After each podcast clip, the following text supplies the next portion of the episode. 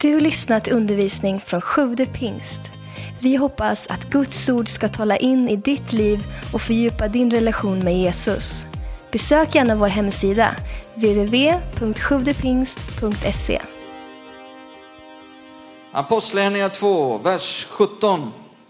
Så säger Petrus, och det ska ske de sista dagarna, säger Gud.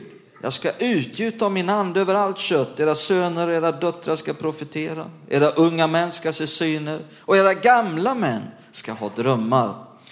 Och som Simon redan har sagt här under sommaren så har vår församlingsledning eh, läst Egil Svartdals bok Ge det vidare. Och sen så hade vi ett ledningsdygn här i augusti som var oerhört värdefullt och det var fantastiskt att få vara tillsammans med församlingsledningen och vi vände ut och in på den här boken ehm, och, och vi kände att den har gett oss väldigt, väldigt mycket. Och nu var vi överens om att vi vill föra ut det här budskapet som Egil, utan att nu gå in på vem han är, det får du ta reda på själv.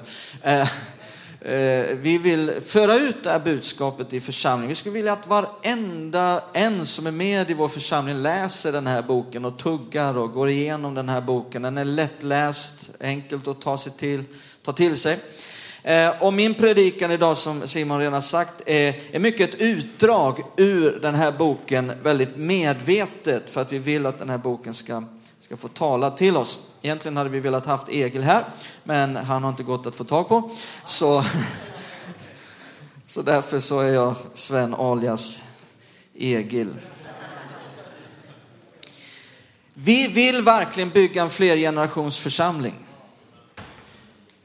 eh, av hela vårt hjärta där alla generationer lever sida vid sida och tjänar Jesus tillsammans i en underbar berikande gemenskap.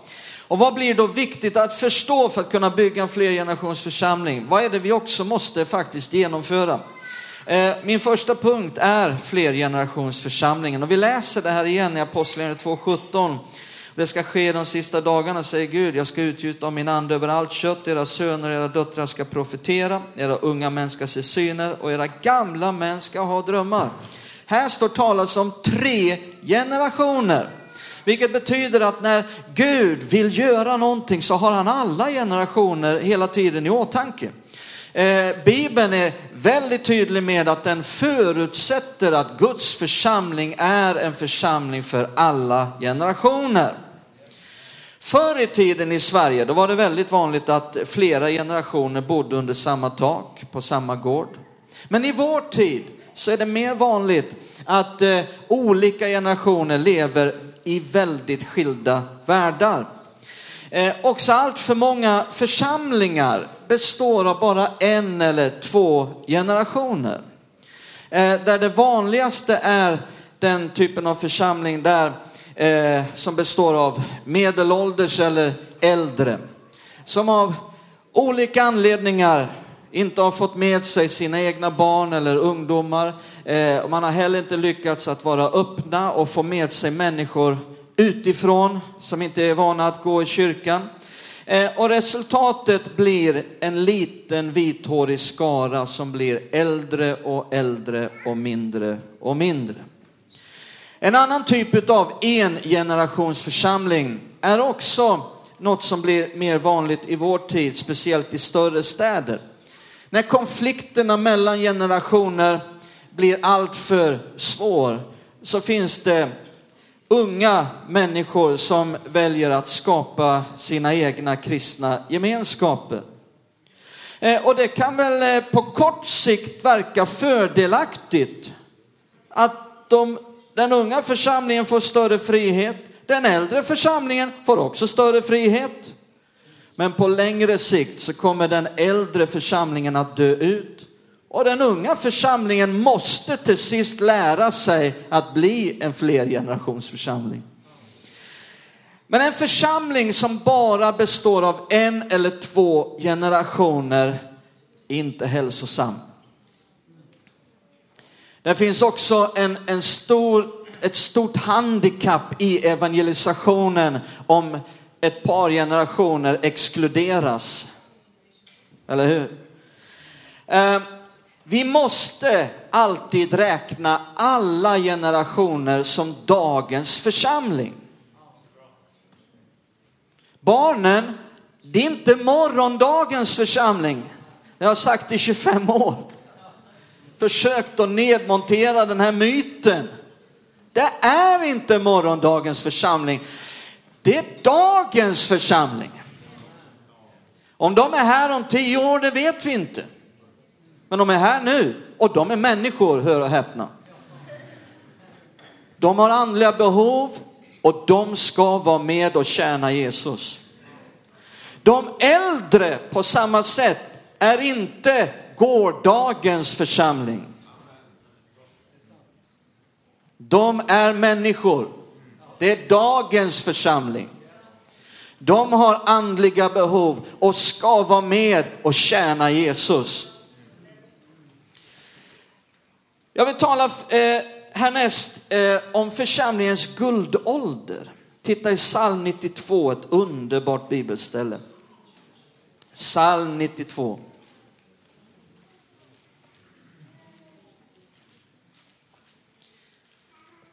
Här är ett bibelställe jag ofta läser. Det är Titta här i, i vers 11. Men mitt horn gör du högt som vildoxens. Jag överljuds med frisk olja. Har du känt dig som en vildoxe någon gång? När den helige ande kommer över dig och du blir övergjuten med frisk olja. Titta här då. Eh, i vers 13. De rättfärdiga grönskas med som palmer, som sedrar på Libanon växer de till. De är planterade i Herrens hus. Vad viktigt det är att du blir planterad i Herrens hus. De grönskar i våra Guds förgårdar. Titta nu, ännu vid hög ålder bär de frukt de frodas och grönskar för att, för att förkunna att Herren är rättfärdig. Han är min klippa och ingen orätt finns i honom. Jag har planerat att när jag kommer till hög ålder, då ska jag vara övergjuten med frisk olja, fått horn högt som vildoxens. När jag har planerat att när jag är över hög ålder och folk frågar hur mår du? Jag frodas. Jag grönskar. Det är Guds plan. Det är Guds vilja. Men ute i vårt samhälle så, finns det, så är det så ofta att äldre känner att de belastar mer än de berikar. Att äldre ska kasseras så fort man har kommit över 70-strecket och inte längre räknas som användbara. Jag kan förstå att äldre kan känna sig hotade. Hur är det att växa upp i ett samhälle där hög ålder mer anses vara en skam än en ära? Alltså vi som församling måste bekämpa all form av generationsrasism.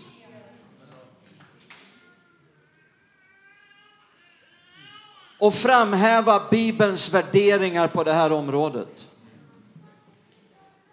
Absolut. Vi står inte som Guds församling för en människosyn som säger att människans värde är avhängt av hennes ålder och minskar i värde ju äldre man blir. Naturligtvis så är det så att många äldre har ett större omsorgsbehov och det går åt många frivilliga att hjälpa de äldre. Men om omsorgsbehovet hos äldre är stort så är de resurser de äger ännu större. Alltså vilka är ofta och oftast de bästa förebedjarna? De främsta förebedjarna, de äldre. Vilka visar oftast vägen vad det gäller givande? De äldre. Ställer upp, gör en massa praktiska saker i kyrkan. Alltså vad skulle kyrkan göra utan alla dessa pensionärer? De är en sån tillgång för Guds rike och Guds församling. Uh, har mycket tid, Även om vissa pensionärer bestrider detta. Så har man, man har mycket tid, man har stor livserfarenhet. Ofta när man har blivit pensionär, man har en hög kompetens ifrån yrkeslivet som man bär med sig. Och inte allt för sällan en stabil och kanske en god ekonomi. Och väldigt ofta en stark längtan efter att få ge många aktiva år till Gud och tjäna Jesus i hans rike på ett fantastiskt sätt. Alltså vi kan se framför oss en här av unga pensionärer med en förnyad tro som blir en fantastisk resurs i församlingens arbete. Är ni med på det? Det är församlingens guldålder. Men många 60-plussare, de var unga på 60-talet som handlade mycket om revolt och att göra uppror.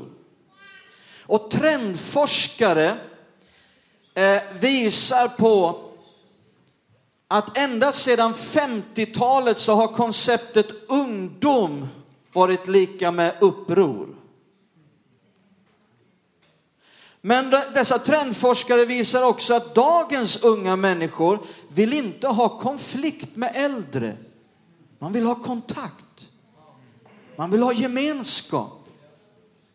Men vuxna i vår tid måste bli av med föreställningar i sitt huvud som hindrar detta och inte längre tänka unga är lika med uppror. Jag vet bara med mina unga barn, de fyra äldsta är från 17 till 23. De kan ofta tala om hur de uppskattar äldre tala om värdet av äldre. Om de kommer till en kyrka där det saknas äldre så saknar de verkligen någonting och pratar om det. Och när de är här ibland oss, åh om ni skulle lyssna till dem hemma vid vårt middagsbord, hur de pratar om flera av er äldre i vår kyrka med, sån, med sånt hjärta och höjer er till skyarna och ser er som föredömen och uppskattar hur ni tar kontakt. Det är dagens unga.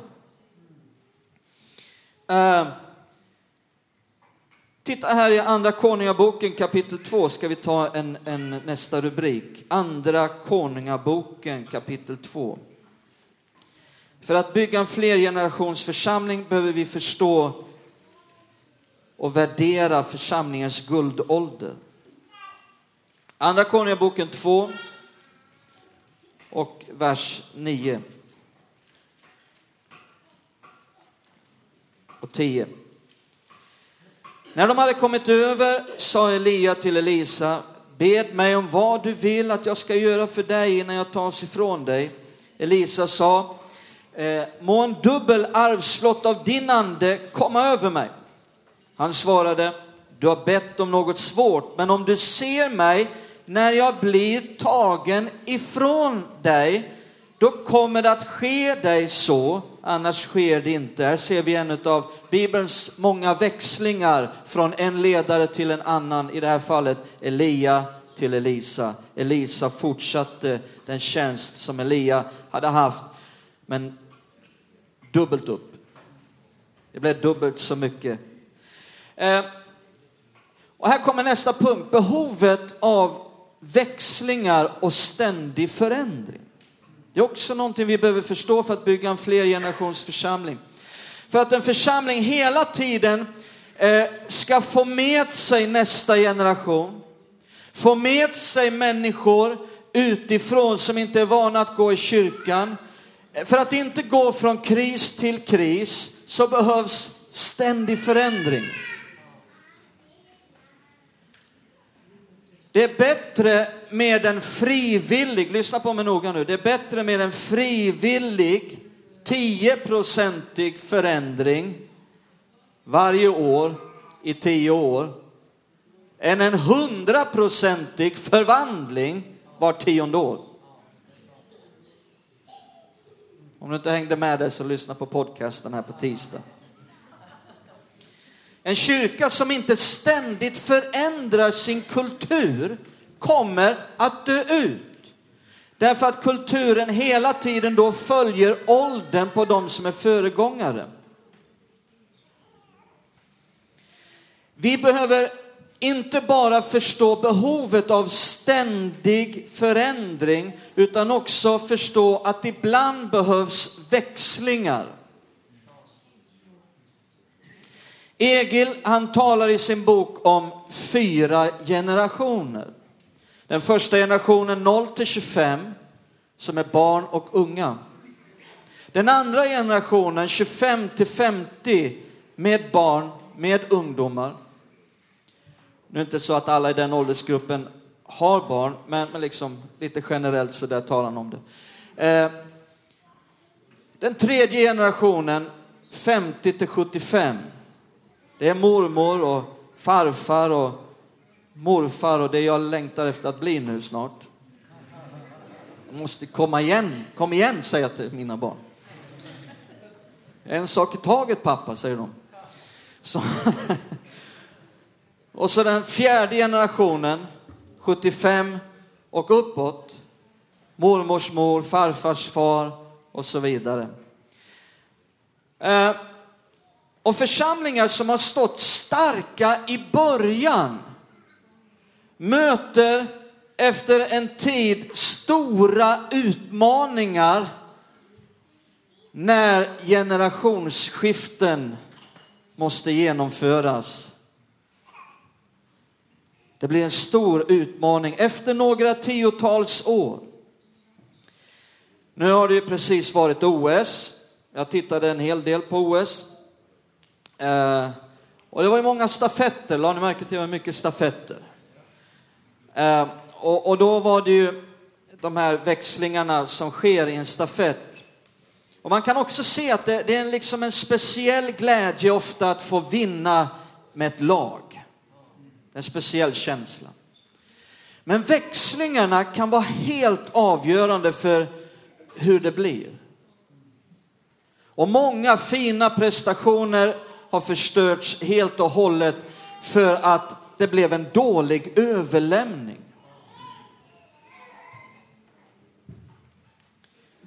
Och det är inte bara inom idrotten som det sker växlingar utan också på andra håll i samhället, till exempel i näringslivet, i en familj och så också i en församling. Så finns ibland behovet utav växlingar från en generation till en annan, från en ledare till en annan. Och här behöver vi träning, precis som idrottare som tränar växlingar. Vi behöver träning i att ge ifrån oss ansvar, men också träning på att ta emot ansvar. Och då kan det vara krävande för de som har varit vana vid att stå i fokus, att träda åt sidan och släppa fram andra. Om vi då inte gör medvetna val så blir vi snabbt ett offer för våra sårade känslor. Medvetna val. Initiativet till överlämning måste komma från de som ska lämna över så att nästa generation inte måste tränga sig fram. Här i ligger skillnaden mellan konflikt och harmoni. Och när en ny generation tar över, då måste man vara villig att släppa taget. Släppa kontrollen. Det blir nya sätt att göra saker på. Det blir nya sånger. Det blir nya strukturer. Det blir nya människor som är ledande. Titta i Malaki kapitel 4 och den sjätte versen. Den sista versen i gamla testamentet som på något vis lämnar över till växlar till nya testamentet.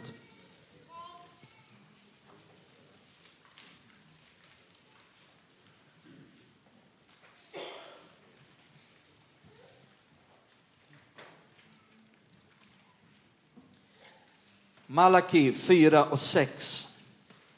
Han ska vända fädernas hjärtan till barnen och barnens hjärtan till fäder så att jag inte kommer att slå landet med tillspillogivning. Titta på den här versen noga. Det måste börja med en villighet i fädernas hjärtan. Utan deras villighet så ser frukten ut att bli brustna relationer och brytningar. Om man är mer fokuserad på att hålla på det som man har än att släppa fram sönerna och döttrarna, ge dem ledaransvar och ansvar att utforma församlingen på ett sätt som stämmer med vår tid. Då blir ofta konsekvensen att man tappar en hel generation. Det är fädernas och mödrarnas ansvar att ge utrymme åt sönerna och döttrarna och hjälpa dem på nya vägar att nå sin generation. Och det är först då fäderna och mödrarnas hjärtan vänds till barnen som de kan förvänta sig en respons. Ser ni detta? Och här kommer någonting som kanske blir den viktigaste meningen i min predikan. Jag kände det var den bästa meningen kanske i hela Egils bok. I en flergenerationsförsamling är alla generationer lika viktiga. Men för varje generation är nästa generation den viktigaste. Så bra. Vi skulle nästan ge Egil en applåd. Jag skojar lite. Hoppas han hör den. Alltså jag tyckte det var så fruktansvärt bra. I en flergenerationsförsamling är alla generationer lika viktiga. Men för varje generation är nästa den viktigaste. Nästa rubrik. Nyckelgenerationen. På samma sätt som det blev viktigt att förstå församlingens guldålder så blir det också viktigt att förstå nyckelgenerationen. Egil talar om att generationen 25 till 50 med barn som bor hemma är nyckelgenerationen därför att de på ett naturligt sätt binder ihop tre generationer. Du vet, vi som föräldrar, vi kan allt för länge betrakta våra ungdomar som barn. Våra barn har vuxit upp och blivit vuxna. Men när de kommer hem till jul så blir de små igen.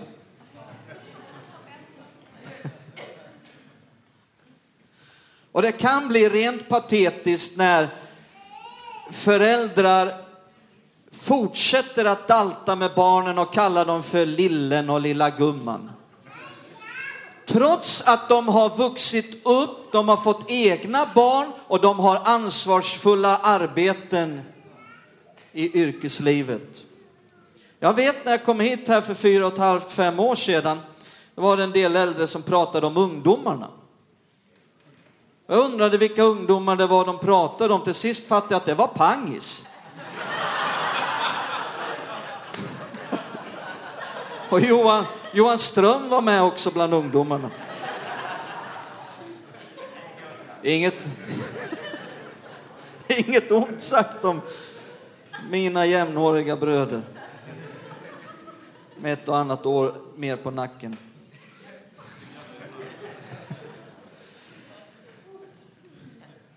Sen tog Egil en fantastisk bild. Han talade om hur han hade studerat bondgårdar i Norge jag är inget Norge-skämt. eh, och eh, bondgårdar som går i arv i släkten. Släktegendomar och släktbondgårdar.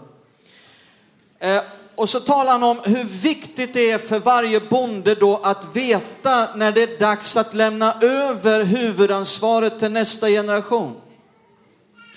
Och då talar han om hur exempel på mödrar och fäder som har arbetat och slitit på sin bondgård till dess att de orkar inte mer. Och vid hög ålder så förväntar de sig att nästa generation ska ta över.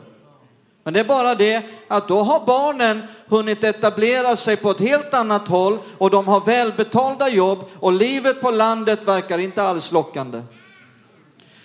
Och släktegendomen måste säljas och går ur släkten. Men sen gav han exempel på kloka bönder som lämnat över huvudansvaret på, för gården till nästa generation redan innan de ens hunnit fylla 50. Och bonden och hans fru flyttade ut i en lite mindre hus på gården. Och sonen eller dottern flyttade in i det stora huset med sin familj. Och tillsammans kämpar de nu skuldra vid skuldra, arbetar på gården med att utvidga och utveckla. Och senioren har blivit dräng och junioren har blivit bonde.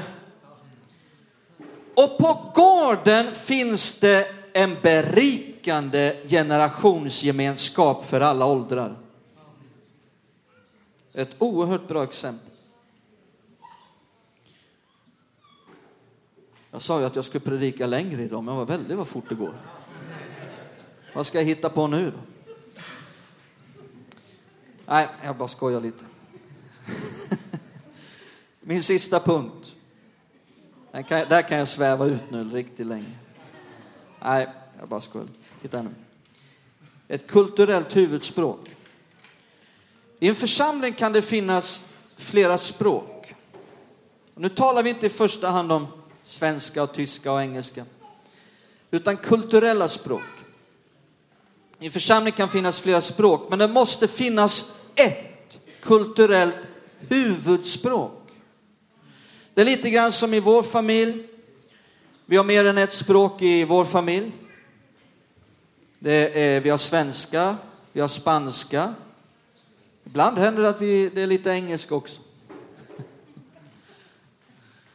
Uh, men framförallt svenska och spanska. Svenska är vårt huvudspråk i vår familj. Men det finns också en tid och en plats för spanska i vår familj. Och när församlingen möts till huvudgudstjänst över alla generationer så är det just denna nyckelgeneration som måste få bestämma det kulturella huvudspråket. Gudstjänsten är till för alla. Gudstjänsten, där kan alla generationer vara med och bidra.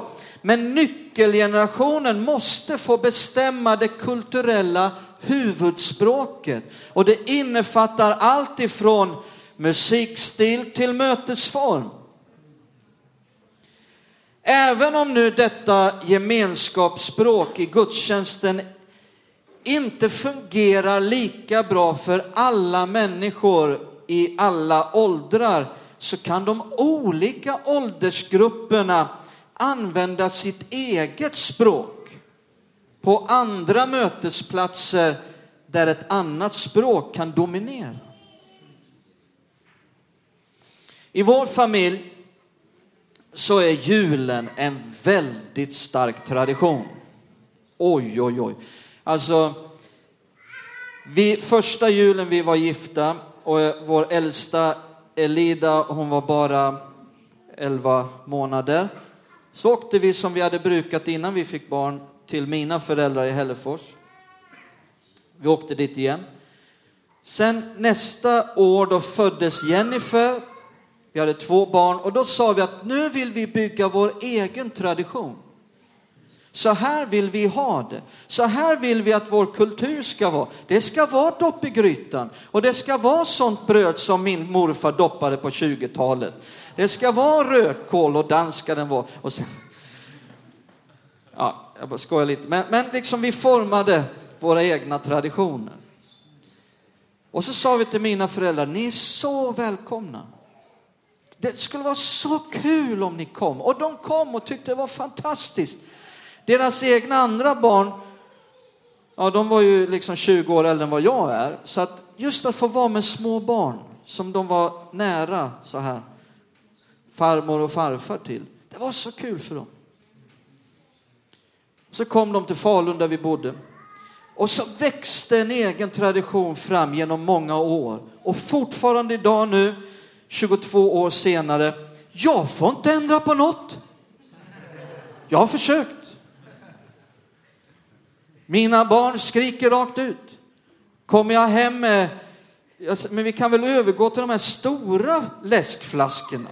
Nej, det ska vara glasflaskor i röda backar. Nåde den du kommer hem med något annat.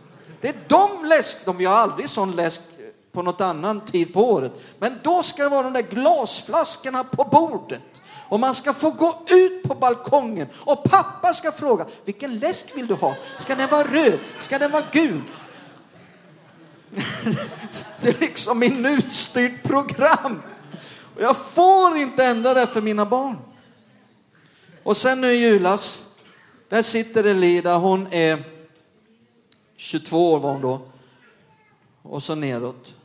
De sitter alla runt bordet. Alla är med. De har tagit sig till, till, till Skövde. Och vi har sex barn runt bordet. Och, så börjar, och de, de har nu alla fått eh, partners. Alla våra fyra äldsta har fantastiska partners som vi hoppas att de ska få gifta sig med och så vidare. Eh, men de var inte med, utan var bara våra egna barn. Och så börjar jag förbereda dem på en förestående stor förändring.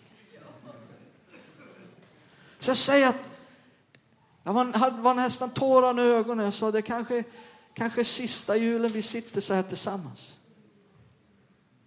Och såg de dystra ut. Ja, ni, ni måste förstå att ni kanske gifter er snart. Ni kanske får barn. Och då, då, det kommer inte att vara så här om kanske fyra, fem år. Kanske redan nästa år att saker förändras.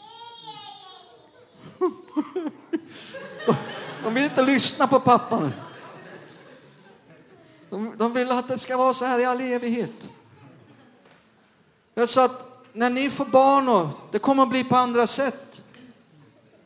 Kanske att någon av er kommer hit. Eh, men jag och mamma, vi, vi sätter oss gärna i bilen och åker runt lite och Fira jul här och fira jul där. Eller så blir det på något annat sätt. Men vet ni vad? Mycket, alltså en sak är säker. Hur det nu än blir. Mycket lite kommer att vara som det var förut. Och så är det med en församling. Om en sak är säker så är det att mycket lite kommer att vara som förut. Jag ser hur sorgsna ni ser ut.